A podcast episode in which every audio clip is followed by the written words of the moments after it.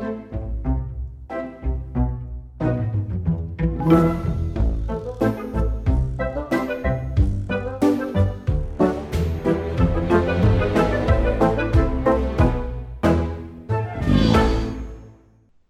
en welkom bij Het Is Wat Het Was, een podcast die draait rond cultuurhistorische verhalen, anekdotes en feitjes die proberen verklaren waarom dingen vandaag zo zijn en misschien ook wel waren. Mijn naam is Maaike en via de webcam zitten bij mij Claire Eline, de Gentbrugse schone met West-Vlaamse roots, die in een alternatief universum ongetwijfeld model stond voor Tolkien toen hij de wijze Galadriel beschreef. En Mark, het exportproduct uit de Denderstreek, die bijna evenveel opinies en mediapersoonlijkheid bezit als Joyce de Trog. Wat? Waar? Shit, ik hoor nu al, al uh, stotteren en uh, het ging ook al niet meer bij mij. Hallo jongens, hey. Hi, hi. Hey. Hey, ça va? Uh, ça va. Ça va. Uh, saai, hè? Nee. Uh, Mark, hoe is het bij jou geweest? het is al bijna exact twee weken geleden dat we de vorige podcast hebben opgenomen. En het is ook al twee weken quarantaine verder. Dus hoe gaat het met jou? Dat klopt, uh, zoals je kan zien, maar de luisteraar niet, dus ik deel het even mee. Uh, heb ik mijn baard in die twee weken minstens één keer afgedaan. Uh, dat is bijna twee weken geleden ook ondertussen, dus ik heb terug een identieke baard, hè, maar is niet gegroeid. dat is al iets. dan, ja, mentaal is het afzien, moet ik zeggen. de quarantaine vreet aan mij. nu, het is niet allemaal kommer en kwaal. Hè. We mogen nog fietsen en we mogen nog wandelen. helaas doe ik geen van beide graag, dus zit ik echt al vier weken binnen. Ja. Gran Turismo te spelen. Ja, dus ja, ik zie ook dat je al 25 ehm, kilo bent bijgekomen ondertussen. Zeg, nee, nee, dat is uh, fake news. Om, om dus al die aan, aanbidders uh, en aanbidsters, uh, belangrijker, te ontraden. Hè, maar daar gaan we niet aan meedoen. beste luisteraars, ja. als u luistert, ik zie er nog even fantastisch uit als altijd. En u hoort het, ook aan mijn intellectuele vermogens scheelt er nog niets. En het ego maar het vreet. Ook om even op te merken, uh, hij heeft een andere badjas aan. Ja. Hij heeft letterlijk een badjas aan. De tweede al die we gezien hebben. Nee, het is dezelfde. Ah, ah hij is gewassen. Ja, ja, ja, ja. Die was wel een andere kleur, hè, Mark? Uh, nee, ik heb maar één badjas. En ik zou het weten, moest ik iemand anders zijn badjas aan hebben. ja, nee, ik dacht dat hij gewoon zo vuil was ondertussen dat hij... Uh, Um, Misschien was hij veel ja. vorige keer, maar is ondertussen gewassen. Oké, okay. uh, okay. daarmee van kleur veranderd. Drie jaar of zo, dus voilà. Oh, Oké, okay, voilà. Check. En bij jou, Maaike? Um, Sava, ik trek mij op aan alle momenten dat ik uh, Zoom-meetings heb met, uh, met mijn ware collega's en vrienden. Um, en um, ik, ah, ik, ik, wil, ik wil het graag hebben over iets. Uh, hebben jullie Tiger King gezien? Nee, nog niet. op mijn uh, maar iedereen praat erover, hè? Jongens, ik heb echt al uh, tegen iedereen in elk uh, virtueel gesprek dat ik heb gehad, heb ik het al over Tiger King gehad. Het is zo oh, goed. Genius. Het is fantastisch. Het is ook collega's van mij die het compleet gebinged hebben en die echt zeiden, Claire watch it now. Maar weet je, ja. het probleem is dat mijn lief de laatste tijd veel met mij wil doen en die wil niet meekijken. Dus ik moet momenten vinden waarop ik alleen kan kijken. Dus die zijn er nog weinig geweest in deze quarantainetijden. Um, nochtans, ik denk uh, dat het echt voor iedereen een aanrader is. Behalve als je minderjarig bent en homofoob. En... Zijn, de, zijn exacte woorden waren: Ik heb al meer dan genoeg aan de trailer. Voilà. Dus, Wat waren ja, zijn exacte woorden? Zijn exacte woorden? Uh, ja, ah, ja, jullie zijn weggevallen bij mij. Oh, oei. Ja, lang leven internet. Zijn exacte wa woorden waren: Ik heb genoeg aan de trailer. Dus, Goed zijn, ja. er zit al veel in. Veel inhoud. Oh, wel, voilà, daarom. Um, maar ja, we gaan wel zien. Ik, maar dank u wel voor de tip. Uh, want ik was een beetje aan het einde van mijn binge-watch-lijst. Ik ben dan maar boeken beginnen lezen. Yes, en, een van die, en een van die boeken heeft mij geleid tot het onderwerp van vandaag voor mij, voor de podcast. Dus het heeft nog iets opgeleverd. Je hebt het wetboek gelezen. Jo, stel je voor. Ik heb mij verdiept in het Belgisch recht. Uh, nee, nee, ik heb um, De meeste mensen deugen gelezen. Van ja. uh, die journalist van de correspondent. Of, allee, gelezen. Ik uh, ben halfweg. Um, heel interessant wel. Ja. heel hmm. interessant. Um, leest heel vlot. Is wel een aanrader. Het is geen, gemak, allee, het is geen lectuur waarvan dat je zegt, ik ga nu eens even ter ontspanning. Het is wel, je moet er wel een beetje inbijten en je moet um, één, je moet een stuk herhaling aankunnen. En twee, je moet wel durven meegaan in zijn idee. Je moet zelf even heel hard je vooroordelen en dergelijke laten varen. Uh, en even meegaan in wat dat hij zegt in dat boek. Um, achteraf kun je dan kritisch zijn, maar in het boek zelf moet je er gewoon even induiken. Um, het is eigenlijk echt wel interessant. En wat zegt hij dan exact? Wat dat eigenlijk probeert te doen in heel dat boek is om aan te tonen dat de meeste mensen deugen. Dus wij denken altijd dat mensen gemaakt zijn um, als barbaren, om het zo te zeggen. Um, hij speelt daar heel hard uh, Hobbes en Rousseau tegenover elkaar uit. Dus uh, Hobbes zegt dat wij eigenlijk intrinsiek um, slecht zijn.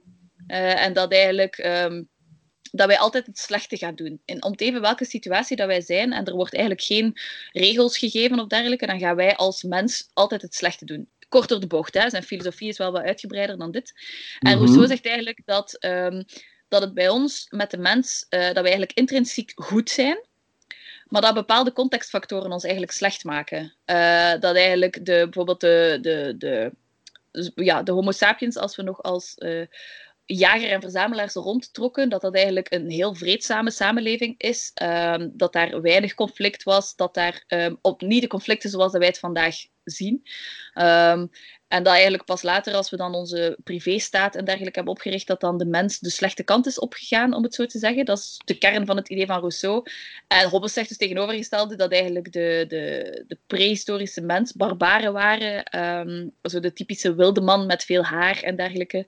Uh, en dat we eigenlijk meer geciviliseerd zijn geraakt op het moment dat er een samenleving was. Um, dat is een van de dingen dat hij daarin poneert. En hij geeft dan allerlei voorbeelden van experimenten die er geweest zijn en experimenten die zo in de sociologie gebruikt zijn, zoals het Milgram-experiment en zo. Um, allerlei, ja, eh, je kent dat wel zo, dat experiment in die kelder van een Amerikaanse universiteit, waarin dat ze bepaalde studenten gevangenen hebben gemaakt en ah, bepaalde ja, ja, studenten bewakers. En zo, dat soort dingen dat ze eigenlijk zeggen van, kijk, dit is het bewijs dat wij intrinsiek slecht zijn. Maar achteraf blijkt dan dat, eigenlijk, um, dat er eigenlijk een scenario is geschreven en dat die bewakers ook echt hebben gezegd, dit, allee, dat er mensen tegen die bewakers hebben gezegd, dit moet je doen. En dus dat eigenlijk in principe die bewakers zelf niet slecht zijn, omdat zij eigenlijk dat niet uit zichzelf doen. Zij doen dat omdat iemand anders hun dat idee heeft gegeven. En daar gaat het allemaal over. Maar lees het en dan ga je er zeker en vast op in. Um, ja, dat hoeft niet meer, verteld. Wat zeg je? Je hebt het net verteld, dus ik hoef het niet meer te lezen. dat was de bedoeling ook van de vraag ik heb uh, nu gelezen tot, ik denk, pagina 160 en er zijn bijna 400 pagina's. Dus er komt nog heel veel dat ik nog niet heb gezegd. Dus binnen twee weken spreken we nog eens en dan, uh, dan kan je mij de rest uitleggen en dan hoef ik het helemaal niet meer te lezen. Ik zal het je opsturen met de post als het uit is. Ja, de samenvatting is ook goed. ja, ik ga me daarmee bezig dus uh, Rutger Bregman lezen. Mark, uh, heb jij nog tips om bezigheden te vinden? Uh, FIFA 20 sukt, begin er niet aan. Gran Turismo Sport is heel leuk. Red Dead Redemption Online is ook wel plezant. ja, Netflix heb ik bezig die uitgekeken, buiten Tiger King. Dus, dus daar, een nieuw seizoen van Ozark, heel goed. Echt heel sterk. van wat? Sterke Ozark. Dat dus ook met sterke vrouwen in de hoofdrollen nu dit seizoen. Ah, daarmee uh, probeer je mij te paaien. Niet enkel jou, maar, maar de helft van de planeet uh, ongeveer uh, ruwweg geschat. het gaat dus over een familie die noodgedwongen geld moet witwassen voor de maffia, et cetera, et cetera. Dat wordt natuurlijk helemaal fout.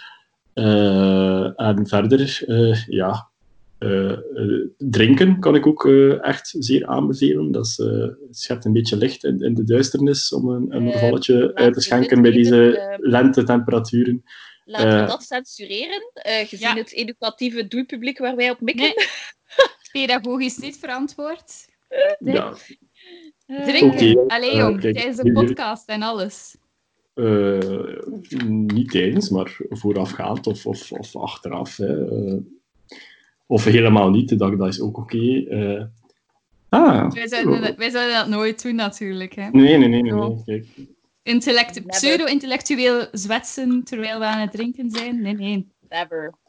Absoluut niet. er absint in huis zijn? Ik, ik had al lang eentje uitgeschonken, maar kijk. Uh. helaas, helaas. Um, nu ja. Goed. Uh, je hebt het al aangehaald. Ons thema voor deze week is recht. Yes. Um, ik weet eigenlijk, we hebben eigenlijk deze keer niet gezegd wat we gingen doen. Dus is, een beetje is er iemand die denkt, ik moet starten? Ik zal al oh. beginnen. Uh, sorry, okay. ik heb hier de pas afgesneden, maar ik ga beginnen en daarmee gedaan. Uh, we gaan terug naar de beginselen van het recht. De wet van de sterkste, zoals ik net heb, uh, ja, net heb geïllustreerd. Voilà. Nee, dus eh, zoals je zei, eh, eh, jagers, verzamelaars, eh, dat ging allemaal wel goed volgens Ene Rousseau. Eh, iemand anders is daar dan niet mee eens, maar whatever, die mens is, is fout. Dat ging eigenlijk betrekkelijk goed. Als er een conflict was, werd dat opgelost eh, zoals mannen dat doen. De ene slaat de andere de kop in en, en daarmee gedaan. maar na verloop van tijd werd de samenleving inderdaad iets complexer en, en was er dus ook nood aan een meer systematisch rechts systeem, what's in a name. En uh, dus ik dacht, we gaan even een paar uh, voorbeelden daarvan uh, vergelijken, heel kort, niet in detail, want dat is meestal heel lang, heel saai, heel uitgebreid. Dat gaat over, over heel saaie dingen zoals ja, grensrechten en erfenisrechten en whatever. Niemand interesseert dat. Maar het, we gaan eens kijken naar de oudste bekende wetboeken, als het ware. Zijn dat de codexen? Uh, dat wordt een codex genoemd, uh, zoals de codex van Hammurabi en zo? Inderdaad, de Codex Hammurabi is een, een bekend voorbeeld. Uh, die is zeer oud, maar niet de oudste. Nee, maar we gaan het er ook over hebben. Hmm. de oudst bekende is die van Ur-Nammu. Yep. yep. Dat is een, een aantal honderd jaren voor Hammurabi. Dat is uit de 21ste eeuw voor Christus. Ook in spijkerschrift, hè? Ook in spijkerschrift, inderdaad. Ook uit de Sumerië, dus Mesopotamië, het twee-stromenland. Hè. Uh, de bron van de beschaving, zoals wel eens gezegd wordt, samen met enkele andere regio's, uh, bla bla. Mhm. Uh, en dat is een, een, een, een, fragment of fragmenten van een kleitablet waarop dus een, een, aantal wetten geschreven staan. In totaal een, een vijftig of zestigtal. Uh, ze zijn niet allemaal bewaard, maar toch grotendeels heeft men ze na verloop van tijd teruggevonden. En dat is natuurlijk interessant, omdat die wetten ons iets uh, vertellen over die maatschappij op zich. Ja, uh, net zoals uh, vandaag de dag. ik zeg maar iets, als je weet dat wij niet buiten mogen op straffen van een gasboete van 250 euro, dan zegt het iets over onze maatschappij. Dat wij dat toch wel heel serieus nemen dat er een virus rondwaart en zo. Slecht voorbeeld, het eerste waar ik aan kon denken, mijn excuses. we gaan er eens aan beginnen. Mm -hmm. Dus belangrijk is om te vermelden, en eh, dat is een groot verschil met ons huidige rechtssysteem, dat het een zogezegd casuïstisch uh, systeem is.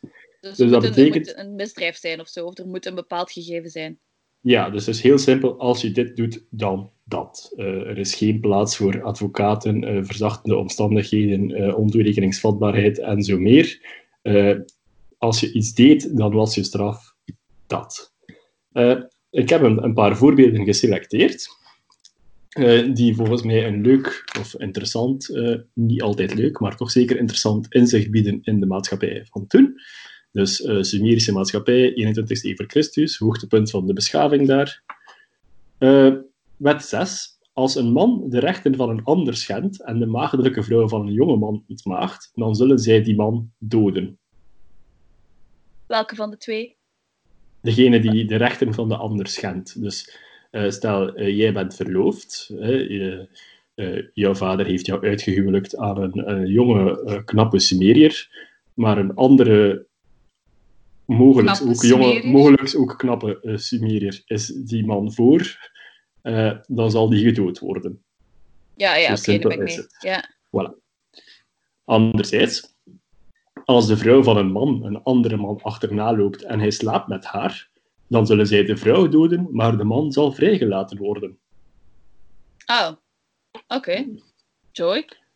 Klinkt eigenlijk al bij al eerlijk, hè, want er is ook geen sprake van dat een maagdelijke vrouw in de vorige wet gedood wordt.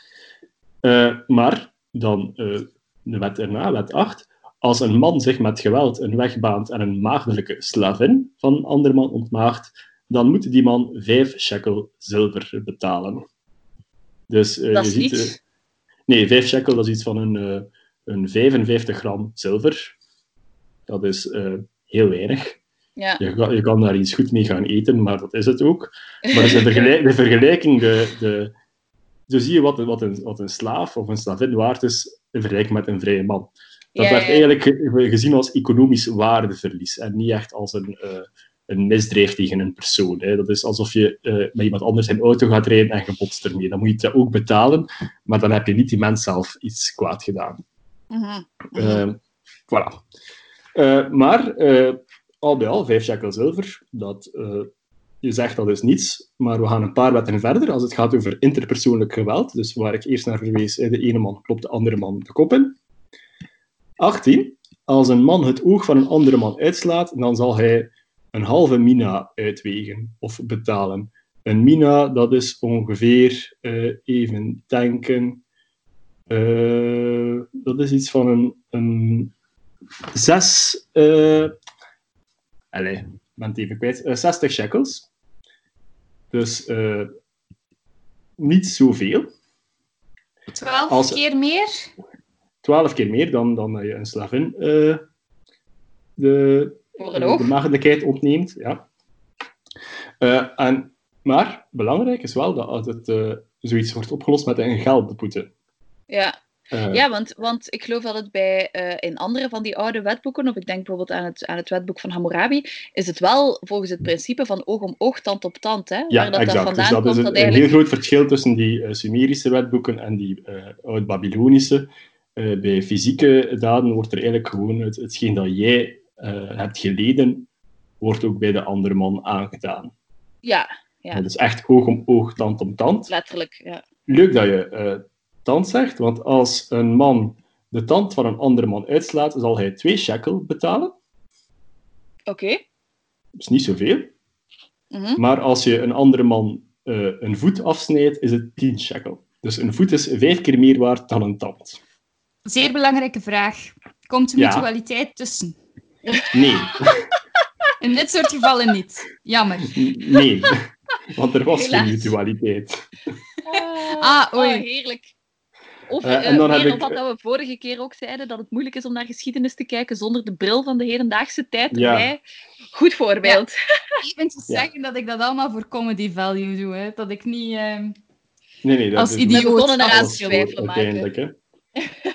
uh, dan heb ik nog een, een, laatste leuke wet uit die codex. Uh, als een slavin van een man zich vergelijkt met haar meesteres en brutaal tegen haar praat, dan zal haar mond gereinigd worden met één kwart zout. Auw. Dus dat is letterlijk gewoon een, een, grote hoeveelheid zout in de mond om, om, om te zorgen dat je dus niet meer, uh, geen grote bek meer opzet. En is dat doorslikken of is dat... Uh, reinigen. Uh, het wordt niet gespecificeerd. Wow. Spoelen langs alle kanten, boven, onder, links. Lijkt dat doet bij tandenpoetsen, hè? Ja, voilà. Maar dan met zout. Dan zou ik dus... gewoon de afweging maken. Moet die persoon dus gewoon op zijn plaats gezet worden? Ja of nee? Dat is nog ik denk dat je een bijzonder slechte slavin zou zijn, maar ik, uh, een, een, kleine 4000 jaar geleden. Een dikke 4000 ja, jaar was hij. Zeer zeker. Laat daar geen, uh, geen twijfel over bestaan. Nee, sterke vrouwen. En nu kan het allemaal, toen was dat net iets minder uh, geaccepteerd. Uh, dan gaan we een, een, 300 jaar verder naar de Codex van Hammurabi. Uh, we gaan daar niet te zeer op ingaan, want dat is uh, bij de meeste mensen wel bekend als ze iets of wat geschoold zijn in de kunsten of de geschiedenis. Dus en een, voor diegenen die dat niet zijn, kan je gewoon. Dat was, ik, dat was ik net van plan. Het is dus een vrijwel volledig. In, het is een vrijwel volledig intact gebleven wettekst uh, die onder andere bewaard is dus op een gigantische obelisk, uh, maar niet gigantisch, maar groot, uh, die in het Louvre staat. Ja. Maar die is daarnaast ook bekend van, van kopieën. Hè. Dat is niet het enige exemplaar, maar dus die obelisk is het bekendste uiteraard. en dus dat is een bijna volledig wetsysteem, ook al worden sommige domeinen slechts zeer kort overlopen. Dus men vermoedt dat er ook nog andere wetten waren buiten degene die op die Codex Hammurabi zijn bewaard gebleven. Uh, en het zou ook vooral een, meer propaganda zijn dan echt iets uh, juridisch sluitend. Omdat het was eerder om te tonen van, kijk, de koning is er om je te beschermen tegen onrecht. Uh, dus voilà, een beetje zoals de, de beelden aan het Justitiepaleis bij ons in Brussel met Dame Justitia, met haar blinddoek en, en wat nog allemaal. Je, dat is allemaal wel tof, maar je, in de rechtszaal zelf ben je daar weinig mee. Nu, dat, die, die codex die gaat over van alles en nog wat. Onder andere dus over landbouw, gedoe, administratie, soldaten waren verplicht om te gaan vechten als dat van hen gevraagd werd, moesten naar een land achterlaten enzovoort. Wat ik zelf heel interessant vind, is dat er ook een, een soort huurdersbescherming was, of verhuurdersbescherming. Dus je kon je huis verhuren in het nabije Oosten. En dat gebeurde dan met een, met een, een plaatsbeschrijving, zoals bij ons. Dat vond ik heel, heel tof. En wat dat frappant is ook, is dat uh, alles dat van hout gemaakt is, hout was zeer uh, zeldzaam in die tijd, dat werd uh, niet opgenomen in de huurovereenkomst, maar daar moest voorbij betaald worden, dat dat dus zodanig duur was. Dus huizen waren toen gemaakt van leentichels, mudbrick, een soort kleitegels, zeg maar, en riet en stro, maar weinig, zeer weinig hout. Dus hout had echt een status en dat werd buiten de plaatsbeschrijving gehouden. En dus ook uh, de huurders hadden de plicht om zorg te dragen voor een onberispelijke toestand van het huis. Dus als er iets kapot was, ik zeg maar iets, de pompbak of het toilet, dan moest dat hersteld worden. voor de niet zo attente luisteraar, ik maak een grapje, dat bestond helemaal niet natuurlijk. Uh, maar dus reparaties moesten uitgevoerd worden en als er echt schade werd toegebracht, dan moest de verhuurder daarvoor vergoed worden. nog een leuke vind ik, dat is bepaalde mensen door, die, door dat wetboek toch wel een gevaarlijk bestaan leiden.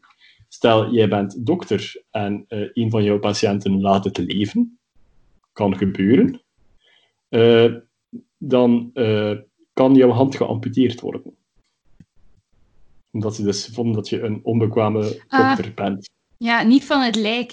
Ik was, ik was nee, niet van de dokter. Hè, dus Stel je voor, hè, je doet heel je leven uh, je, je, best om dus uh, iedereen te genezen, maar vroeg of laat gaat het fout. Hè. Uh, er werd toen ook niet met, echt met, met veel gezorg en veel medicamenten gewerkt. Dus af en toe kon er wel eens een wondje geïnfecteerd raken of zo. Als dat gebeurt en, en men vindt dat dat jouw fout is, dan ben je je hand kwijt. ook leuk, als, ook als bouwvakker was je verantwoordelijk voor je geleverde werk. Dus als je een huis bouwt en dat huis stort ooit, om gelijk welke reden, in en de bewoner daarvan is dood, dan werd je zelf vermoord. Oog om oog, tand om tand. En plus, je moest voor een nieuw huis zorgen. Of dat dan voor of na de, de doodstraf gebeurde, wordt niet verduidelijkt. En met geamputeerd hand of niet? Uh... Nee, en dus ook de beschadigde huisraad moest vervangen worden. Dat staat zo in dat wetboek, maar er wordt dus niet gezegd of je dat eerst moet doen en daarna de doodstraf krijgt, of dat je familie dat dan, daar dan maar voor moet zorgen dat, dat die mens die dood is uh, een nieuw huis krijgt. Dat hij dan helemaal niet meer nodig heeft, natuurlijk. Uh, dus er staan toch wel wat vreemde kronkels in. Ongetwijfeld dat het grondwettelijk hof daar een vette kluif aan zou gehad hebben, moest het bestaan hebben. God non. Ja, ja, ja, sowieso. Maar dus, dat vond ik wel op zich was dat wel goed uitgewerkt en op schrift gesteld. En, en dat marcheerde waarschijnlijk ook wel uh, relatief goed, uh, zolang je niet te veel, uh, zeg maar iets operaties deed of huizen bouwde. moet dat fijn gewerkt hebben. maar dan in de andere wieg van de beschaving, zeg maar, Egypte, hadden zij dat soort dingen waarschijnlijk ook, maar die zijn niet bewaard. er is geen echte wettekst uit Egypte bewaard. Maar men weet dat, dat ze die hadden, er wordt soms naar gerefereerd. En, en daar was het, het, het, uh, het gidsende principe was eigenlijk gebruik uw gezond verstand. Dus, uh, oh, klinkt herkenbaar vandaag de dag. Ja, maar dat, dat klinkt echt heel hemels eigenlijk. Ik vind dat, en uh, gezond verstand. Ik vind dat dat in elke grondwet artikel 1 zou moeten zijn. Mensen gebruiken uw gezond verstand. Dit gaat boven elke wet. Hè. Dat, dat maar wat is gezond verstand, Mark? Wat is mm. gezond verstand? Wel, dat werd dan dus bepaald door de uh, lokale rechter, meestal. Dus als er een geschil was, uh, dan ging je in het dorp of in het naburige uh, districtcentrum in de rechtbank je zaak bepleiten. En dan werd er volgens de regels van gezond verstand en met presidenten werd er een oordeel geveld. En als je het daar niet mee eens was, dan kon je naar de vizier stappen, dus de, zeg maar de eerste minister. natuurlijk, je moest die mensen niet lastigvallen voor vertweeschapen en, en een koe. dus als je daar als je dat toch deed en, en nadat je een, een, vonnis had gekregen en staat er nu aan en je valt de vizier lastig en die zegt, jongen, verspil mijn tijd niet, dan krijg je meestal een zwaardere straf. Hm. Maar als het om belangrijke zaken ging, uh, zoals ik zeg maar iets godslastering of, uh, of je werd verbannen en je bent het er absoluut niet mee eens, uh, dan kon je wel dus een beroep doen op de vizier om tenminste te horen wat je te zeggen had en om in eer en geweten een oordeel te vellen. Ik kom, maar ik kom dus... straks nog terug op dat gezond verstand. Ah, voilà. Dat horen we graag. Uh, maar dus, tot zover de literatuurstudie. We gaan eens een, een gevalstudie uh, bekijken. In, uh, laten we zeggen, de 12e eeuw voor Christus, werd er een, een, gigantische rechtszaak in Egypte gehouden en die is gedocumenteerd in de zogenaamde Judicia Scrollen van Turijn. Dus de, de rechtspraakscrollen van Turijn, de vertaling is vrij. En het gaat over een, een moord. Uh, en wie is er vermoord? Niet zomaar uh, gelijk wie, maar de farao. Oh. Dus, oh. oh. Met het mes in de dinerkamer? Uh, Ik denk toch wel echt met de Engelse sleutel in de hal. Nee, het is oh, effectief met, met, met het mes en in, in zijn privé vertrekken. Maar de dinerkamer wil ik niet gezegd hebben. Hetzelfde. Hetzelfde. Maar het gaat dus om de zogenaamde uh, harem conspiracy. Dus de, een soort groot plot opgezet door één van zijn uh, vrouwen. Dus de farao had meerdere vrouwen. Een paar belangrijke, een paar minder belangrijke. En een van die minder belangrijke vrouwen, uh, ze werd Tie genoemd, maar er zijn er heel veel geweest in Egypte, maar bon, dat was haar naam, dus we zullen haar zo maar noemen. die had een zoon van de farao, Pentaweri, en zij wou die zoon graag de volgende farao zien worden. Uh, maar die was niet de uh, geplande erfgenaam. Dus wat doe je? Heel simpel, je vermoordt de farao. Dus hij heeft daarvoor samengewerkt met, een, uh, met de kapitein van zijn garde, met heel veel mensen in zijn harem, bewakers, ja, allerlei dienaren. En dat is gelukt, de farao is vermoord. zijn keel is overgesneden, ze hebben zijn mummie ook gevonden en dat bleek allemaal te kloppen, zoals dus in die scrollen van Turijn uitgelegd was geweest. Maar het tweede deel van het plan is niet gelukt. Uh, haar zoon uh, kwam niet op de troon terecht, maar wel de rechtmatige erfgenaam, uh, Ramses IV dan. zeer originele naam was dat niet, maar bon. En dus die heeft dan in spoedzitting een grote rechtszaak georganiseerd. twaalf rechters hebben daar een tientallen mensen zeg maar, beschuldigd. Uh, en die, uh, het verslag daarvan is niet zo heel uitgebreid uh, wat betreft bewijsmateriaal of, of verzachtende omstandigheden of hoe of wat. Er wordt eigenlijk alleen gezegd, die persoon kwam voor de rechtbank, hij werd schuldig bevonden en zijn straf was dit. En dus de overgrote meerderheid van die mensen werd levend verbrand, wat een bijzonder zware straf was, omdat dus naast het feit dat je doodging, uh, was ook je lichaam weg. Dat werd dan uitgestrooid in de straten, de assen.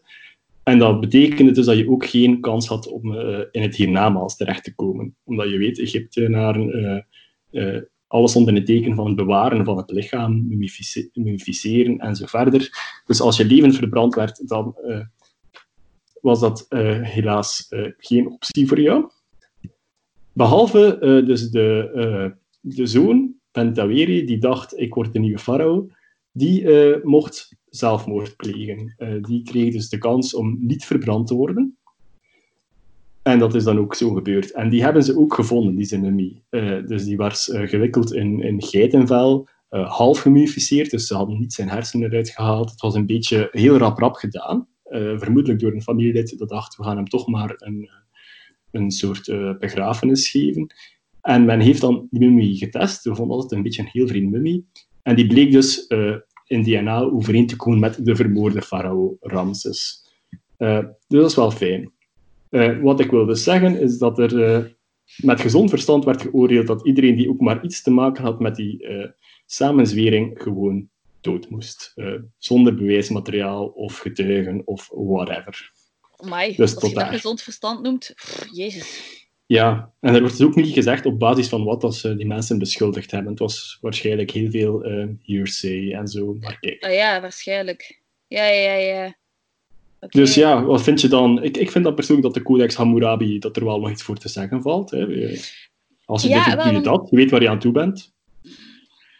Ja, maar anderzijds, het, allee, ja, tuurlijk, je weet inderdaad wat dat je aan toe bent. Als het dan niet opgeschreven is en het wordt maar even beslist, dan zit je natuurlijk in een heel vage zone. Hè? Uh, dan zit je in heel hard um, het, de willekeur uh, van, van ons rechtssysteem. Um, en um, ik wil daar graag op aanknopen. Ik weet niet of dat jij nog iets wat toevoegen aan je betoog, of ik even mag overnemen. Uh, well, niet per se. Ik wou misschien nog heel snel iets zeggen. Dus dat dan in latere periodes, in de Romeinse tijd en bij de Grieken, had je dan veel meer die cultuur van de van de, de advocaten, zeg maar, die met een grote speech op de emoties speelden. Hè. Kikero is wel echt de bekendste. Uh, En dus dat bestond helemaal niet bij die uh, Sumerische en Egyptische beschavingen. Dat was eerder van, ha, heb dat gedaan. Ja. Dit is uh, waar je aan toe bent. Maar ga je gang. Wel, en dus met dat ik dat boek heb gelezen, um, had je dus dat, de, de twee visies van ofwel zijn we allemaal barbaar in ons kern, ofwel zijn we eigenlijk goed. Um, vroeg ik mij ook heel hard af van, ja, wie, wie, bepaalt er nu eigenlijk welke straf dat je krijgt? Wie bepaalt er uh, wat dat je toegekend wordt, wat dat je niet toegekend wordt? En wie zijn die figuren die eigenlijk ons strafrecht, zeg maar, uh, bepalen? Wil ook voor de duidelijkheid, zoals dat jij ook zegt, we beperken ons tot strafrecht voor een groot stuk, um, omdat mm -hmm. zo het economisch recht en zo, dat hebben wij vandaag ook. Maar als je kijkt naar de geschiedenis, en wat heb ik eigenlijk gedaan? Ik ben zo wat beginnen zoeken naar oude zaken waarvan ik weet en uh, ik ben even teruggegaan in de tijd. En het eerste waar ik aan moest denken is het Salomon-oordeel. Oh, ja, omdat leuk. daar ook heel vaak naar wordt verwezen. Um, dat is dus eigenlijk een Bijbels verhaal. Dus dat is eigenlijk nog, dat, dat komt voor in uh, de oudste boeken uh, van de, de Hebreeuwse Bijbel. Dus dat is eigenlijk het Oude Testament voor een stuk. Um, en uh, die Hebreeuwse Bijbel, dus het Salomon-oordeel. Um, waar gaat het over? Het gaat over uh, Salomon. Dat is eigenlijk de koning op dat moment van het koninkrijk Israël. Dus niet te verwarren met het hedendaags Israël. Het koninkrijk Israël is het oude Israël uit de Bijbel. Uh, Israël is later wel vernoemd naar uh, een stuk naar dat oude land, maar ook naar andere. Maar dus, dus... even tussendoor, het Bijbelse Israël of het Bijbelse land ligt hedendaags Gaza. Ja, voilà. Dus het ligt niet op dezelfde plaats. En, maar op zich, het is te verwarren omdat alle twee dezelfde naam heeft. Maar, dus, maar koning Salomon, koning van het koninkrijk Israël uh, op dat moment, uh, zou geleefd hebben van uh, 1030 tot 930 voor Christus. Mooi leven. Um, ja, voilà, vind ik ook wel. Um, zowat ongeveer 100 jaar moet kunnen, lijkt mij. En het wordt eigenlijk uh, beschreven, dus hij is de zoon van koning David. Um, en hij komt op de troon um, en hij wordt eigenlijk, um, hoe moet je het zeggen, in de Bijbel wordt er heel vaak bepaalde eigenschappen toegewezen.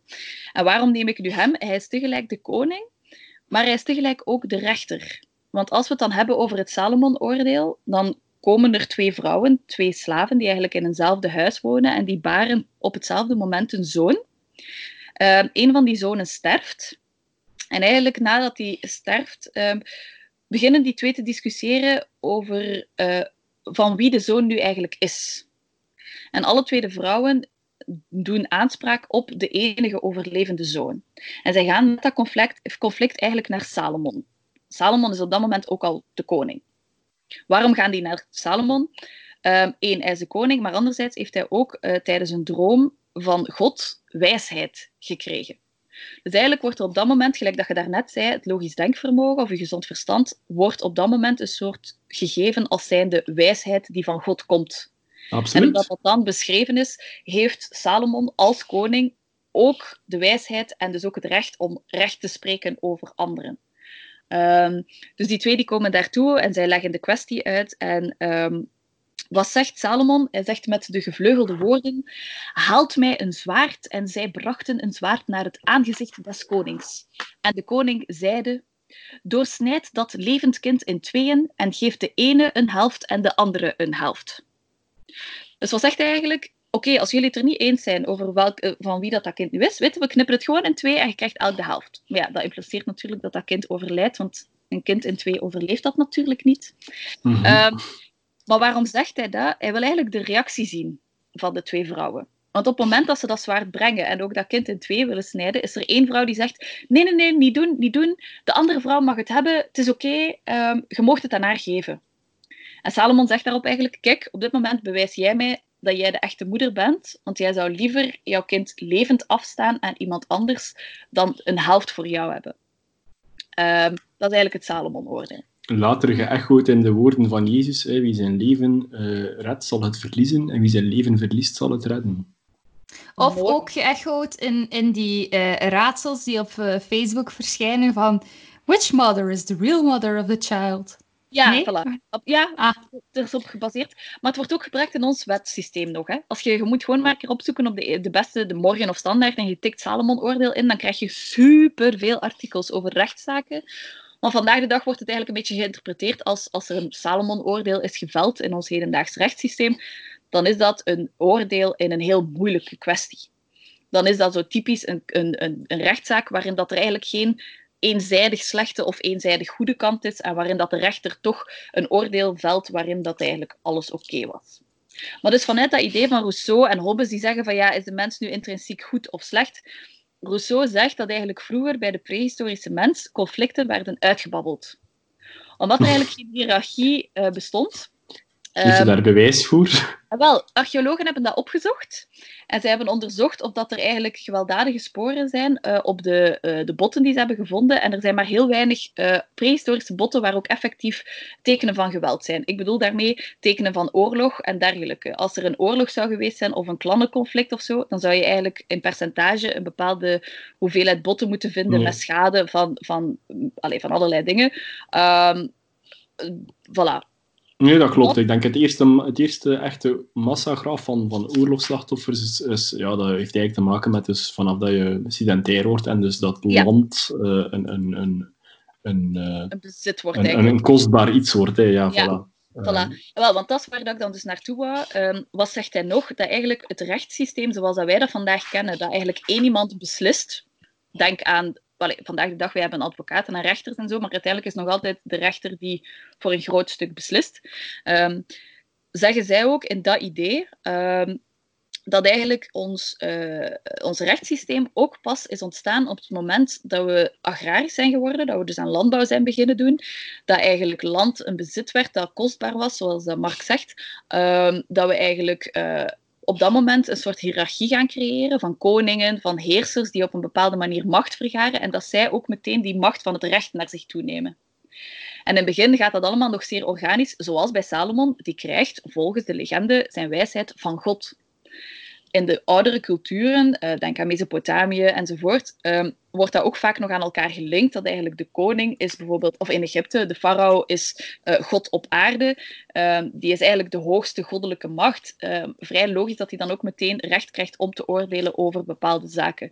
Ja, um, absoluut. En, en dus wat Egypte betreft, ook uh, de wetten en, en het, het uh, principe van rechtvaardigheid werd geacht om, om een geschenk geweest te zijn van de goden. Dus de goden zorgden ervoor dat er recht en rechtvaardigheid was. En de ja. farao moest ervan zorgen dat dat in de praktijk ook gebeurde gebeurde. Voilà. Maar in principe zit daar dus wel nog altijd die machtspersoon tussen. Um, ja. En wij spreken altijd over de scheiding van kerk en staat, maar de scheiding van, van staat en recht is eigenlijk pas heel nieuw. En ik verschoot daar wel van, want ik heb dat dan eens even opgezocht en zo het idee van um, het, het, een apart recht, zeg maar, of het idee van onze rechtsstaat zoals dat wij dat vandaag kennen, dat is eigenlijk pas gekomen na de absolute vorsten. Denk aan Louis XIV, denk aan een Henry VIII en dergelijke. Mm -hmm. um, want eigenlijk tot dan blijft ons rechtssysteem samenvallen met degene die de hoogste positie bekleedt in onze maatschappij. Maar daarnet sprak Mark over gezond verstand en dan kun je daar grote vragen bij stellen. Hè? Want zoals dat we weten zijn de, de, koningen die regelmatig op de troon zaten daarom niet de meest snuggere. Um, en die, die mogen dan opeens wel gaan beslissen um, over leven en dood soms in sommige posities. Dus op die manier is er dan eigenlijk geen enkele ja, reden, zou je kunnen zeggen, waarom dat die persoon recht mag spreken. Er is geen goddelijke reden niet meer. Het is gewoon omdat hij de grootste is in macht, mag die ook beslissen over het recht van andere mensen. Um, dus dat is eigenlijk een basis die begint bij ons agrarisch samenleven, dat dan uitgroeit naar een extreem, een absolute vorst die letterlijk alles kiest. En het is pas daarna dat ze eigenlijk gaan beginnen met die, met die, met die rechtsstaat, waarin dat ze eigenlijk zeggen van um, het is niet oké dat die absolute vorsten alles kunnen beslissen. Laten we een apart orgaan oprichten dat eigenlijk in de gaten houdt of dat, wel goed gebeurt. En dat noemen wij dan de rechtsstaat, zoals dat wij vandaag uh, werken. Dus met rechters, um, maar ook met wetten. Want op het moment dat je eigenlijk werkt met een rechtsstaat, is er de plicht om wetten op te stellen. Want zoals dat er in de oude culturen wel codexen zijn, denk aan de Codex van Hammurabi, denk aan de Codex van Ur-Nammu. Ehm, iemand als Louis XIV heeft dat eigenlijk niet. Die heeft dat voor de sier, maar die, die gebruikt dat niet. Die zegt gewoon naar zijn eigen grillen, ik kan u niet uitstaan. Bon, daar is de guillotine. dus complete, het rechtvaardig zijn zoals dat wij dat vandaag zien, is op dat moment compleet zoek. Ehm, dus hoe dat wij ook soms kunnen denken over onze mooie nieuwe tijd. Eigenlijk was hij helemaal niet zo mooi als we zouden denken, toch niet op dat vlak. Um, en dus ik denk daar zo niet over, maar... wel, toen ik van de middelbare school kwam, dacht ik daar wel echt zo over. Ik dacht echt dat dat een staat was van welvaart. Ehm, en nu geef ik dat zelf bij mijn gasten en dan denk ik echt, amai, dat was verschrikkelijk. Daar was echt helemaal niks leuk aan, hè, aan die periode. Um, ik ik vertel aan, aan mijn gasten altijd het, uh, het kakverhaal. Dat er bij, uh, een, uh, bij de Zonnekoning in elke hoek pipi en kaka gedaan werd. En dat geeft heel veel succes. Oh ja, tuurlijk. En dan kun je erbij vertellen dat ook zijn toiletgang een privilege was om te gaan bekijken. Hè? Absoluut. Volgens uw rang mocht je dan ofwel naar zijn toiletgang ofwel naar zijn uh, opstaan gaan kijken uh, en dergelijke. Uh, maar dus terug naar onze rechtsstaat. Die ontstaat dus na die absolute vorsten. En, en wat gaan ze eigenlijk gaan doen? Ze gaan wetten opschrijven ehm, die, moeten, die de bevolking moeten beschermen tegen de macht van de staat. Dat is het basisprincipe waar de onze rechtsstaat vandaag op gebaseerd is. Of waar dat die eerste rechtsstaten uitkomen. Dus eigenlijk dat wij beschermd zouden zijn tegen de staat die eigenlijk zegt het is zo en niet anders. Um, en dan die wetten die gaan zich uitbreiden en uitbreiden en uitbreiden enzovoort. Um, en daar komen heel veel wetten bij. Maar wat is er zo specifiek aan uh, die rechtsstaat? En dat is anders dan die rechtsstaten bij de oude bevolking, zoals bij uh, Hammurabi. In een rechtsstaat gaan er in het wetboek ook altijd wetten staan waar dat de staat zich aan moet houden.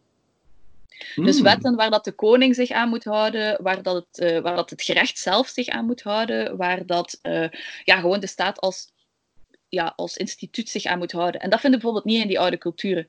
Want daar is het wel nog altijd, zoals Hammurabi, het is hij die eigenlijk voor een stuk als propaganda die wetten laat opstellen en op die manier eigenlijk zegt, dit moet er gebeuren in mijn staat. Um, uh, en wat gaan ze daar dan mee doen? Uh, dus ze gaan al die wetten opstellen, ze gaan dat uitbouwen en beetje bij beetje gaan ze daar dingen aan toevoegen. En een van de dingen die ze daaraan toegevoegd hebben is bijvoorbeeld het Hof van Assise. En waarom haal ik dat aan? Uh, op het moment dat ik dus aan het lezen was ook over die oude culturen en zo op het moment dat dan eh, dat in die prehistorie de mensen eigenlijk via conversatie conflicten oplosten, ja, dan kun je eigenlijk denken, ja, ons Hof van Assise zou misschien een kleine afspiegeling daarvan kunnen zijn met het verschil dat dat eigenlijk um, voor heel velen uh, niet objectief is. Hè? Dus ons Hof van Assisen, dat is de volksjury. Hè? Dat is ja. uh, de twaalf leden die eigenlijk worden gekozen om te beslissen. Dat is zogezegd ons, Allee, dat is eigenlijk ons hoogste gerecht. In België is dat ons hoogste... Allee, cassatie na, denk ik, ja. Ja, maar het Hof van Cassatie kan niks veranderen aan het vonnis, kan alleen maar dingen veranderen aan procedurefouten. Mm -hmm. uh, maar het vonnis wordt eigenlijk gegeven in hof, uh, in het Hof van Assise. En dus dat is eigenlijk onze hoogste stap binnen onze wetgeving.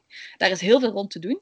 Um, omdat er worden twaalf juryleden gekozen. Die worden gekozen op basis van achtergrond en willekeur voor een groot stuk. Um, en die moeten zogezegd objectief zijn. Maar ik weet niet of dat iemand van jullie ook de reeks De Twaalf onlangs heeft gezien. Dat was op... Uh, Nee, ik, ik heb niet gekeken. Uh, nee. Het was op Canvas, denk ik. Het was op Canvas, ja.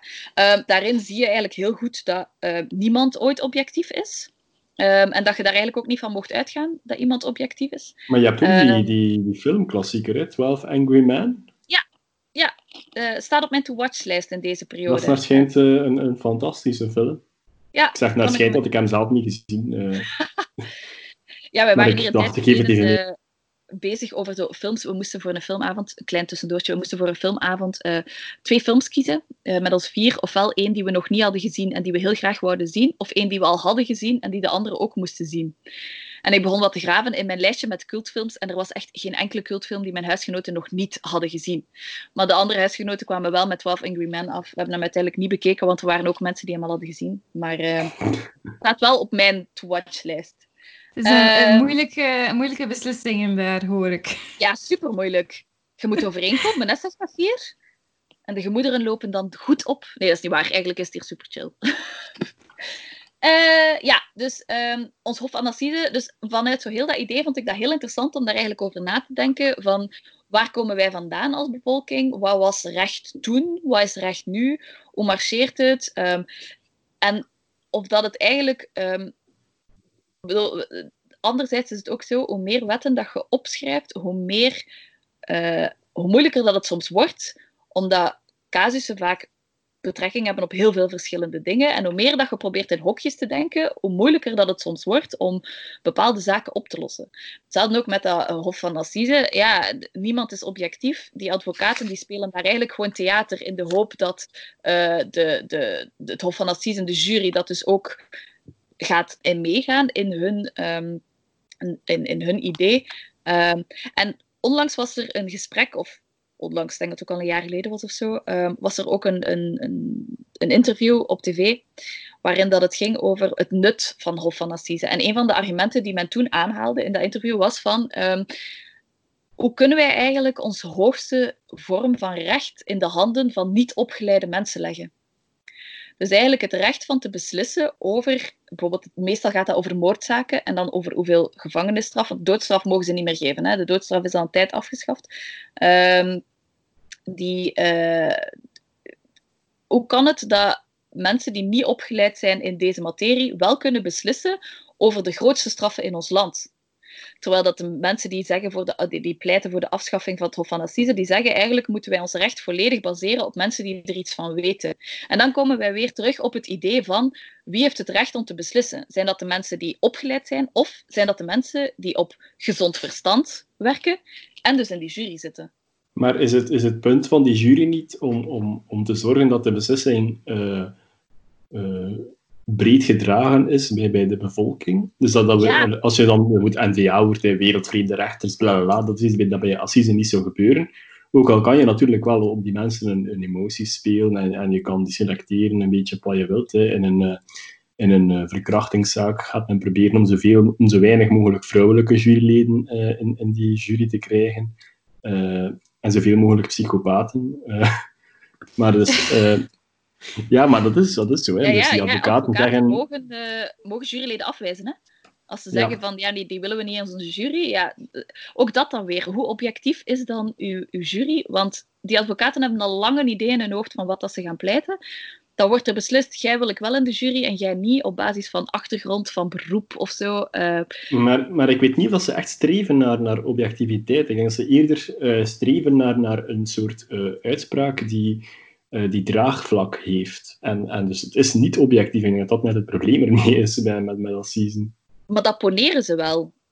Dat is wel is een oorspronkelijk idee van Assisen, dat ze een objectieve en inderdaad gedragen door de volledige maatschappij, dat eigenlijk iedereen uit de maatschappij een zegje zou kunnen hebben over een bepaalde zaak. Maar ik denk uh, niet dat, dat, dat de mening van de maatschappij uh, noodzakelijk objectief is. Uh... Nee, dat is ah, wel goed punt. Goed punt. Dat vind ik daar ook dan zo moeilijk aan, aan zo het mm -hmm. heel dag gegeven. Dat ik dan soms denk, ja, mm, want sommige dingen liggen gewoon veel gevoeliger bij mensen dan andere dingen. En, en, en dat wordt dan niet noodzakelijk in ons rechtssysteem weerspiegeld, maar bij een jury had het dan een veel uh, sterkere reactie uitlokken. Ja, voilà. Dat ook. Spelen op reactie, spelen op achtergrond. Mm -hmm. dus, dus dat is dan ook weer geen... Ja, dat is ook niet neutraal. Dat is dan geen neutraal oordeel. Dan zijt jij als slachtoffer eigenlijk ook niet meer beschermd tegen de grillen van de volksjury. Terwijl onze rechtsstaat ooit is opgericht om mensen te beschermen tegen de grillen van de koning. Ja, maar de, de koning is natuurlijk wel een, een belanghebbende uh, partij, meestal, in, in, die, in die rechtszaken. Dus in principe, de jury is niet iemand die je persoonlijk iets misdaan hebt.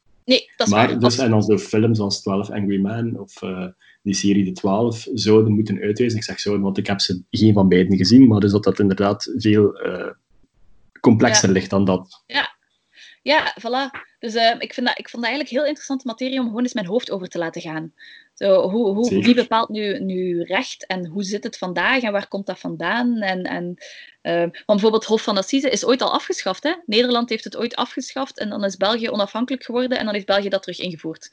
Dus ja. ja. En wij wilden het ah, afschaffen okay. voor, uh, voor de terreurprocessen, denk ik, omdat ja. het gewoon te, te complex uh, zou worden. Ja, ja.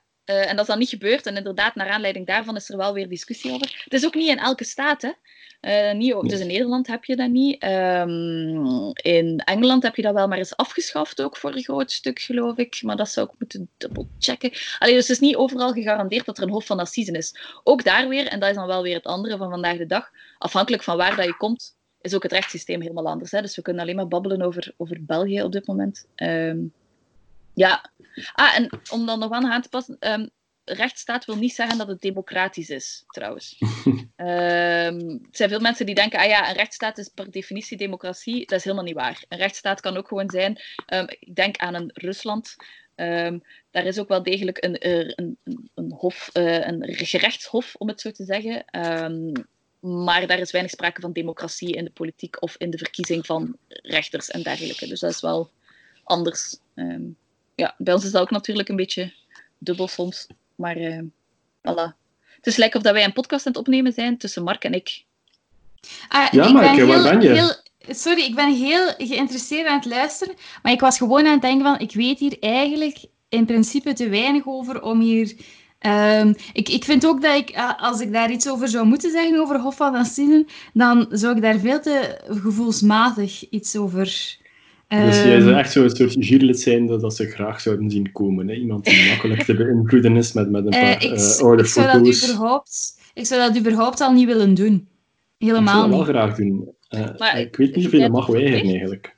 Je mocht dat niet uh, als, als je een gegronde reden hebt, maar ik, ja. ik zou geen gegronde redenen hebben. Maar ja, eh, ik, ik hoop gewoon dat, uh, dat de, uh, de vinger niet uh, naar mij zal wijzen als het zover is. Maar ja, ik zou, ik, in principe zou ik het echt niet graag doen.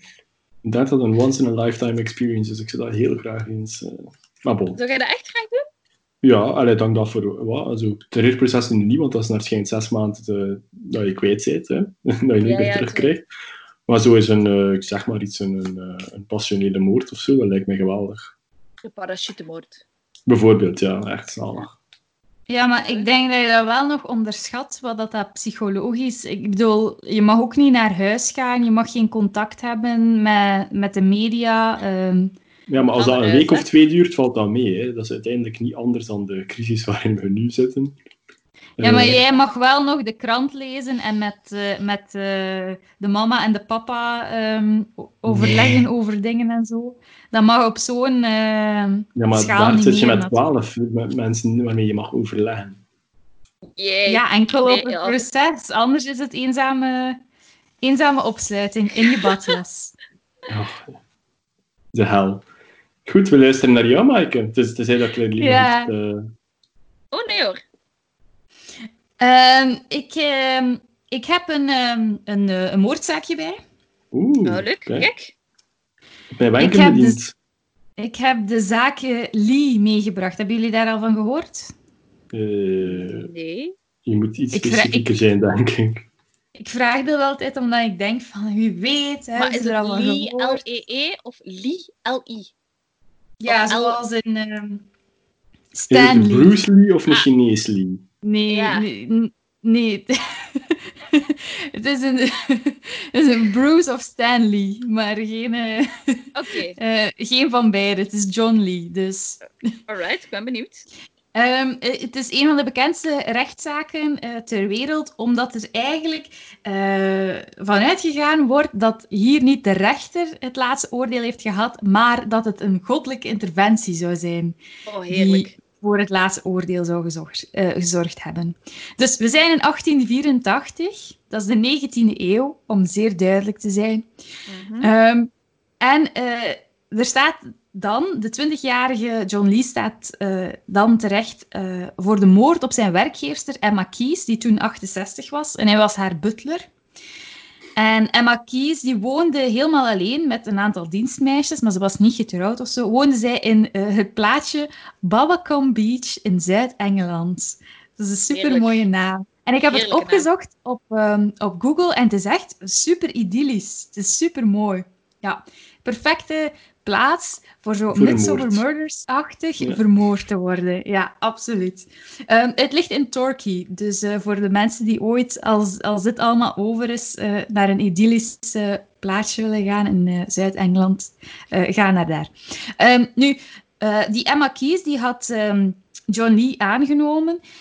dat was een beetje moeilijk, want hij was op zijn vorig werk bij zijn vorige de persoon die hij moest dienen, was hij uh, al in gevangenis uh, terechtgeraakt voor het stelen van een paar zilveren kandelaars. Dus uh, zij had hem vergeven, ze wou hem een tweede kans geven. En ze had hem aangenomen. Maar dan komt 15 november. Om drie uur s'nachts worden drie dienstmeisjes wakker van rookontwikkeling. En ze gaan naar beneden en ze vinden Emma Kies dood op de grond in de eetkamer. Uh, haar schedel is ingeslagen en haar hals is doorgesneden. En bovendien werd ze nog eens overgoten met lampolie en in brand gezet. Dus vandaar de rookontwikkeling. Grondig, uh, grondig te werk grond... gaan. Ja, ja, ja, echt geprobeerd ook om het zo, het lijkt zo, zo weinig mogelijk van over te laten, denk ik. Um, John Lee wordt opgepakt niet zo heel veel later, want hij wordt gevonden met een gewonde rechterarm. En hij claimt dat hij de ruit had ingeslagen om Roog te laten ontsnappen. Maar natuurlijk door het feit dat hij daarvoor al die zilveren kandelaars ooit in zijn vorige carrière had gestolen. En het feit dat hij niet zo heel lang daarvoor uh, geklaagd had over zijn loon bij Emma Keys, doet de politie vermoeden dat hij de moordenaar is. Dus hij komt uh, in een rechtszaak terecht zijn advocaten, ik weet niet waar, uh, waar, uh, waar die uh, hun beroepsplicht vandaan gehaald hebben, maar zij vragen geen getuigen op. Zij, ehm, zij vragen ook geen verder onderzoek.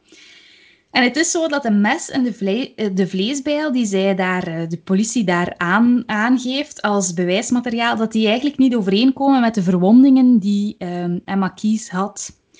Dus in principe wordt hij um, dat noemen ze dan, denk ik, um, circumstantial evidence. Twijfel, hè? Ja. ja, met twijfel wordt hij veroordeeld, maar um, hij, is, hij is op alles gerust eigenlijk, die Johnny. En hij zegt, edelachtbare, de reden dat ik zo rustig ben, is dat ik vertrouw op de Heer die weet dat ik onschuldig ben. Hmm. Um, fast forward drie weken de dominee staat klaar naast de galg. Dus hij, hij zou opgehangen worden met zo'n um, zo'n strop om je nek en dan zo'n valluik dat wegklapt. Uh, dus door ophanging. De dominee staat, uh, staat, staat, klaar, hij leest voor uit de Bijbel. En uh, de beul wil um, de, het handvat om het luik weg te doen klappen, wil hij vastnemen. Hij trekt eraan en er gebeurt niks. Het, het, het luik gaat niet naar beneden. Hij trapt op dat luik, ook niks. En John Lee staat daar met een zak over zijn hoofd, weet niet wat er aan de hand is, alleen dat hij um, nog leeft. En ze halen hem er terug af. Het luik wordt getest, alles lijkt prima. Hij wordt nogmaals op het luik gezet. Lukt nog steeds niet twee agenten die uh, beginnen met uh, zagen en schaven en bijlen enzovoort uh, uit te halen om een stuk van het luik te kunnen zagen, omdat ze denken dat het daardoor is dat het luik niet naar beneden klapt. Bij de test is alles weer oké en John Lee wordt weer op de derde keer wordt hij op dat luik gezet en alweer tevergeefs, er gebeurt niks. Dus ze vinden drie keer is genoeg geweest. Ze weten niet wat er aan de hand is en ze brengen hem terug naar zijn cel. En in zijn cel schreef hij de brief uh, die uh, beroemd geworden is. Hij schreef die brief naar zijn, zijn zus. En hij zegt daarin, het was de hand van de Heer die niet wilde dat het vonnis werd uitgevoerd. Maar dan in het Engels waarschijnlijk.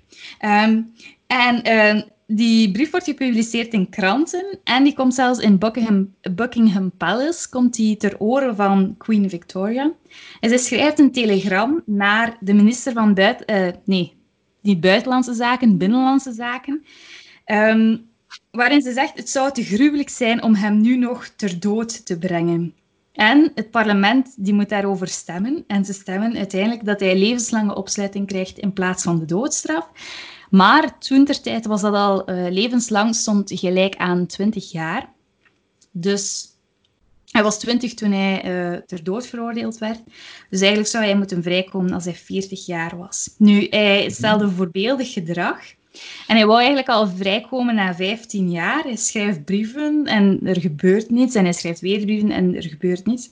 En uiteindelijk in 1907, 23 jaar later, dus hij heeft uiteindelijk nog drie jaar langer moeten zitten, um, mag hij naar buiten.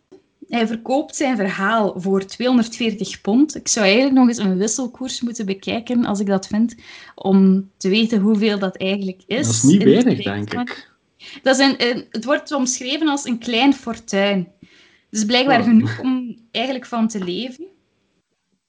En hij vertrok naar de VS en later is er niets meer van hem vernomen.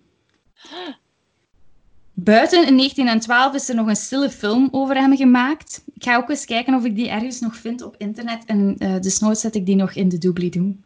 Um, maar uh, dus, ja, het is ook nooit uitgekomen hoe het komt dat het luik niet werkte. Er is wel een theorie voor dat er uh, een aantal centimeter of zo verkeerd zat. Een centimeter, millimeter.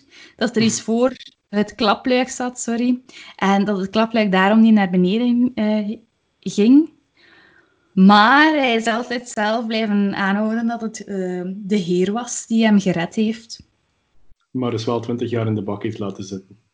Twintig jaar. Er is wel iemand anders in 1803, Joseph Samuel, um, waarbij ze het ook drie keer hebben moeten proberen. De eerste keer was zijn touw geknapt. De tweede keer gleed de strop gewoon van zijn nek naar beneden. Dus dat lijkt mij dan te goed um, als dat gebeurt.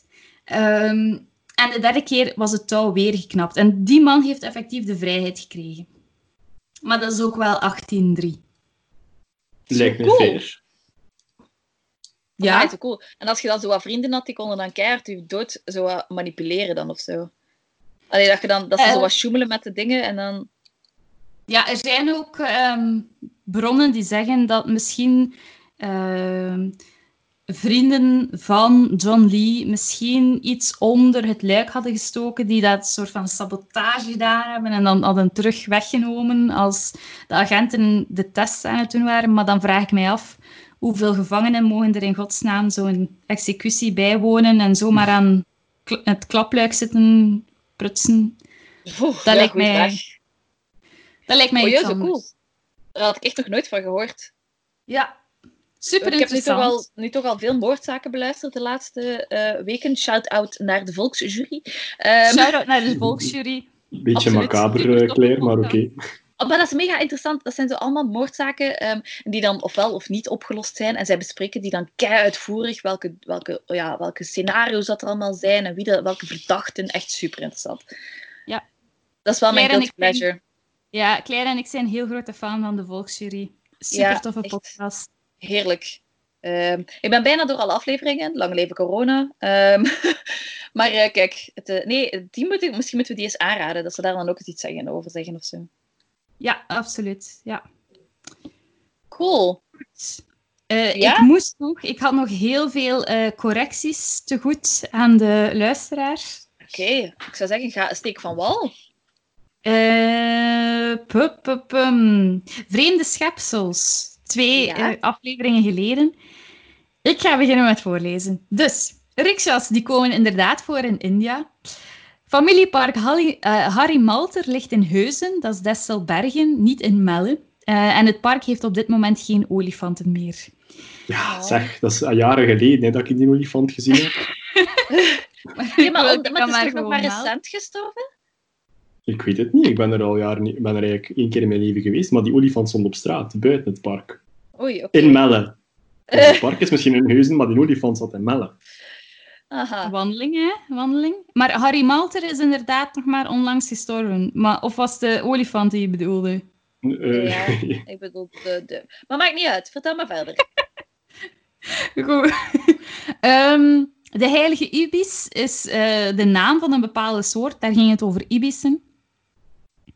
Eh, godheden met palmbomen zijn eh, door mij niet gevonden op het moment van publiceren, maar de palmboom is wel een veelgebruikte metafoor binnen het christendom. Ik heb daar een zeer absoluut wetenschappelijke site aan toegevoegd in de, in de opmerkingen. Je kan het zelf gaan, eh, gaan opzoeken. Ehm, eh, de Argentijnse auteur, wiens naam we over aan het debatteren waren, is Jorge Luis Borges. Mhm. Het gerecht waar Klein naar refereerde is cocantris. Dat heb ik haar cadeau gedaan voor kerst. Juist. Eh, alle imaginary beings zijn ooit in een masker verwerkt geweest. Daar zit een link bij. Eh, de iets te enthousiaste Ram, die daar al die, eh, die, eh, die lammetjes had voortgebracht, eh, kan je ook Yes, ja. vinden. Eh, de Lamassu, eh, de, lama, de Lamassu, eh, de Lamassu, Lamassu. ja, de Lamassu in het Louvre liever, dat kan je ook daar vinden. Uh, het was inderdaad uh, Gustave Moreau met uh, de Oedipus en de Sphinx waar Claire het over had. De Tiger Man, dus niet van, de, van de reeks Tiger King, maar de Tiger, King, de Tiger Man waar we het over hebben, die noemde zichzelf Stalking Cat en niet Tiger Man. En hij zou gestorven zijn door zelfmoord, niet door operaties enzovoort. Oh. Uh, de cyclomair-foto's, dus de fiets die, waarmee je tegelijkertijd kon uh, varen, kan je ook vinden via uh, de foto. Jammer genoeg zijn die nooit in productie gebracht, omdat die niet zo gemakkelijk waren voor het dagelijkse werkverkeer. No shit. Uh, Bowlen with Little People. Ik, ik heb daar iets gezegd over dat ik dacht dat het in The Office UK voorkwam, maar het komt voor in Life's Too Short met Warwick Davis. Uh, wat wel een Ricky Gervais-productie is. Karel Struiken, die doet enkel de stem in de Nederlandse versie van de Adams Family. Dat is niet de acteur die het speelt. En de etsen van Lazarus en Johannes Baptista Coloredo kan je vinden ook in de uh, opmerkingen. En dan gaan we naar aflevering uh, eh, 7, de verboden verkondigingen. Herman Brusselmans werd dus geboren in 1957. Ik heb erbij gezet, wij zijn duidelijk geen fans, wij weten dat soort dingen dus niet. De KU Leuven heeft een stukje geschreven over pederastie dat je daar kan vinden. We hebben daar ook de IMDb-pagina van The Last Temptation of Christ staan. Een artikel over christenen die geaffronteerd zijn door de homoseksuele voorstelling van Jezus. Dat gaat dan over een Netflix-serie, kan je daar ook vinden. Ik aanvaard alle deals van alle uitgeverijen, dus je mag zeker ons contacteren op hetiswathetwas.gmail.com. Uh, eh, bel mij maar. Elke uitgeverij die mijn onnozeliteiten wil uitgeven, serieus, call me. Meer vrouwen op straat kan je bekijken via VRT Nu. Uiercrème bestaat zeker, zelfs op Wikipedia. Daar kan je het vinden bij uh, het woord uier zelf. De Bild is een plaatsnaam in Nederland, dus Vanderbilt is gewoon een verwijzing daarnaar. Uh, ze hebben, zo het lijkt, geen groot gebouw in New York, maar wel veel privé-instellingen die naar hen vernoemd werden. En by the way, persoonsnaamkunde heet trouwens antroponymie. Ik heb waarschijnlijk weer iets door elkaar gehaald daar, door de mangel halen of bij de lurven vatten. Anders is dat een uh, tautologie. Dat ga ik ook weer moeten, uh, dat ga ik ook weer moeten factchecken, maar goed. Leidelin is dus afkomstig uit Centraal-West-Vlaanderen. Vandaar dat ik mijn, uh, mijn, uh, mijn nieuwe stukjes moet uh, aanpassen. En Mark geeft, geeft dus toe dat hij uit Aalst afkomstig is.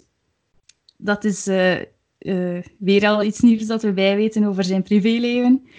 Min en zijn zwa zijn te vinden ook via de, de bijlagen. En het boek met Egyptische tekeningen, dat werd geschreven door Emile Pries uh, d'Avenue. En dat was het boek waar Claire het over had. Check. En dan wil ik er nog even aan toevoegen om het helemaal af te maken dat de olifant van het Harry Malter Park verhuisd is naar Paradisa in 2010. Ah, ah daar, daar kan hij geen uh, niet vermoedende bestuurders terroriseren. oh, dat vind ik super. Ik vind het super dat je dat nu al hebt gevonden. Ja, voilà, kijk. Uh, daarvoor heb ik die tijd even gebruikt. En wanneer was dat? 2010. Amai, dat is echt lang geleden dat ik die gezien heb dan. het staat echt in mijn geheugen gegrift. Ik zit nog zo voor mij op een, een klein veldbaantje met de auto. Zat daar plots een olifant langs de kant van de weg te grazen. Ik vond dat een, uh, surreëel beeld. Je weet toch dat in Melle dat je daar ook de brouwerij hebt, hè? Van, uh... Met de roze olifantjes, inderdaad. Dus, ja, Delirium Tremens. Delirium Tremens, ja. Ja, je was zelf niet aan het uh, delirium. En... Nee, nee, ik was aan het reden, Maaike. Als een, uh... Oei, ja. Ja, nee. Weet het niet. Daar staan wij niet voor. En ik heb mijn um... rijbewijs gehaald in 2010, dus het moet echt wel in, in, de laatste maanden van die olifant zijn carrière daar geweest zijn. Blijkbaar. maar goed. En het begin van jouw autorijcarrière. Goed. Ja. Um, er is nog één ding dat wij moeten zeggen uh, voor we jullie uh, verlaten via jullie uh, oorkanalen enzovoort. ik had daar beter over moeten nadenken hoe ik dat ging formuleren. Maar um, wij moeten even een oproep doen. Um, aan iedereen uh, die dit hoort. Het zou ons enorm, enorm, enorm hard helpen mochten jullie bijvoorbeeld bij Apple Podcast, ik zeg maar iets, bij Facebook, ik zeg maar iets, bij Google Podcast kan je het ook doen, denk ik, uh, een review schrijven. Dat helpt ons enorm en dat zorgt en liefst ervoor... een goede. En liefst een goede als dat kan, maar wij staan voor vrije meningsuiting. Dus ehm, ja, uh, maar liefst toch wel een, een zeer goede. Um, dat helpt ons. Verzoekjes zijn welkom. We hebben er al eentje gehad. Dankjewel, Maxime, daarvoor. Uh, we gaan daar zeker gehoor aan geven. En uh, dat helpt ons gewoon enorm als je een review achterlaat. Uh, dat, dat zou super zijn. Dus, voort. Jongens. Voort zeggen wij vaarwel, denk ik dan. Ja. En hou je taai. Ja? Hou vol. Blijf in je kot. En kijk naar Tiger elkaar King. niet. Nee. Uh, Kijk je naar mag Tiger altijd King. uh, Tiger King, ja, uh, weer le onderleg je in het Vlaams gerecht of zo. Um, Ja. Luister kijk. naar de volksjury. ja, shout out, Volksjury. We love you. en bye bye, hè. Bye bye. Ciao. Ciao.